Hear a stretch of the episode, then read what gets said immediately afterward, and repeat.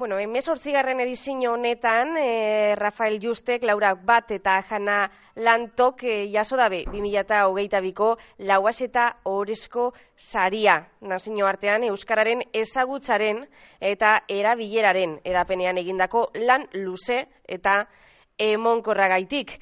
Eta konkretuki, Jana Lantok, e, Turkuko Unibertsitatean Finlandian, irakurle programak garatzea gaitik eta atzerrian Euskararen erabilerea sustatzen egindako lanagaitik jaso dau bere saria. Eta geugaz e, daukagu, Jana, Jana egunon? Egunon. Eta sorionak. Bain, bia esker.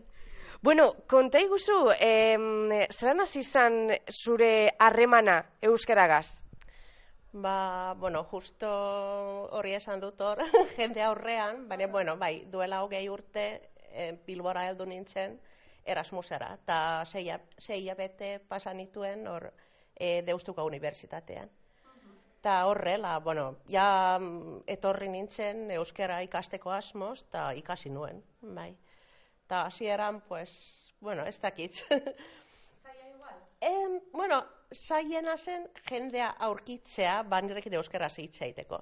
Ze Bilbon, bueno, gehienek ez dakite euskaraz, ze bai, ba hizkuntza, bueno, kausa batzuk saiak izan ziren, baina oso logikoa iruditu zitzaidan, logikoa eta polita. Baina lan asko egin zendun, zebe, sornotzeko barnetegira joan zinen, ez da, e, euskara ikastera? Bai, bai, bai.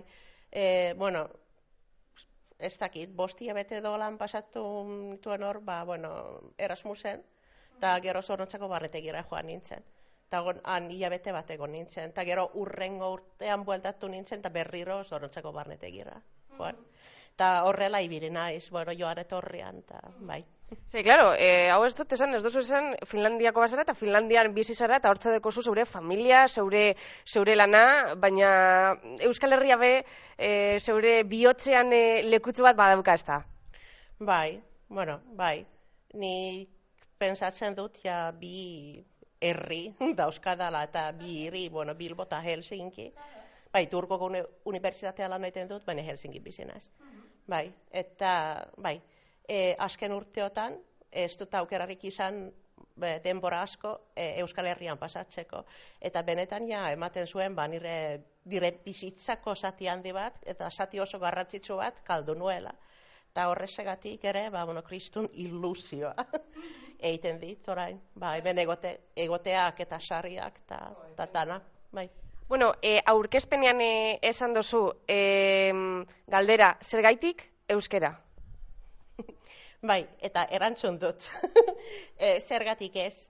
Ta, ba, nik pensatu, beti pentsatu dut, e, ez dela oso komplikatua, ze hori, ba, bueno, pertsona bati futbola interesatzen zaio, eta beste bati hizkuntzak. Baina aldi berean euskerak, ba, bueno, bere, berezitasun asko dauzka.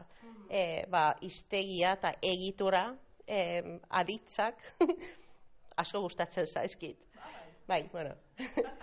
batzotan bai txarto erabiltzen ditut, baina bai, hala ere, e, ba, mitoak, e, or, bueno, jatorriaren inguruan, ze horrela ere berezia da, hizkuntza irla da, eta bai, eta hori ere aipatu dut lehen hori e, Euskaldunek hizkuntzaren alde egin behar duten borroka, eta egiten duten borroka, hori ere berezia da. Bai. Eta... Niresteko modukoa, bai.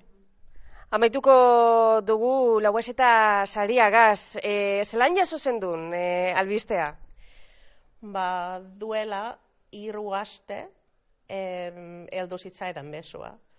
Ta justo lanetik etorri nintzen, ta oso nekatuta, ba, bueno, ez dakit, oso lanpetuta, eta ez dakit.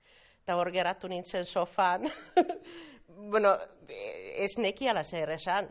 Eta, bueno, baina gero, bai, negar egin nuen, bai oso ukituta geratu nintzen. Bai.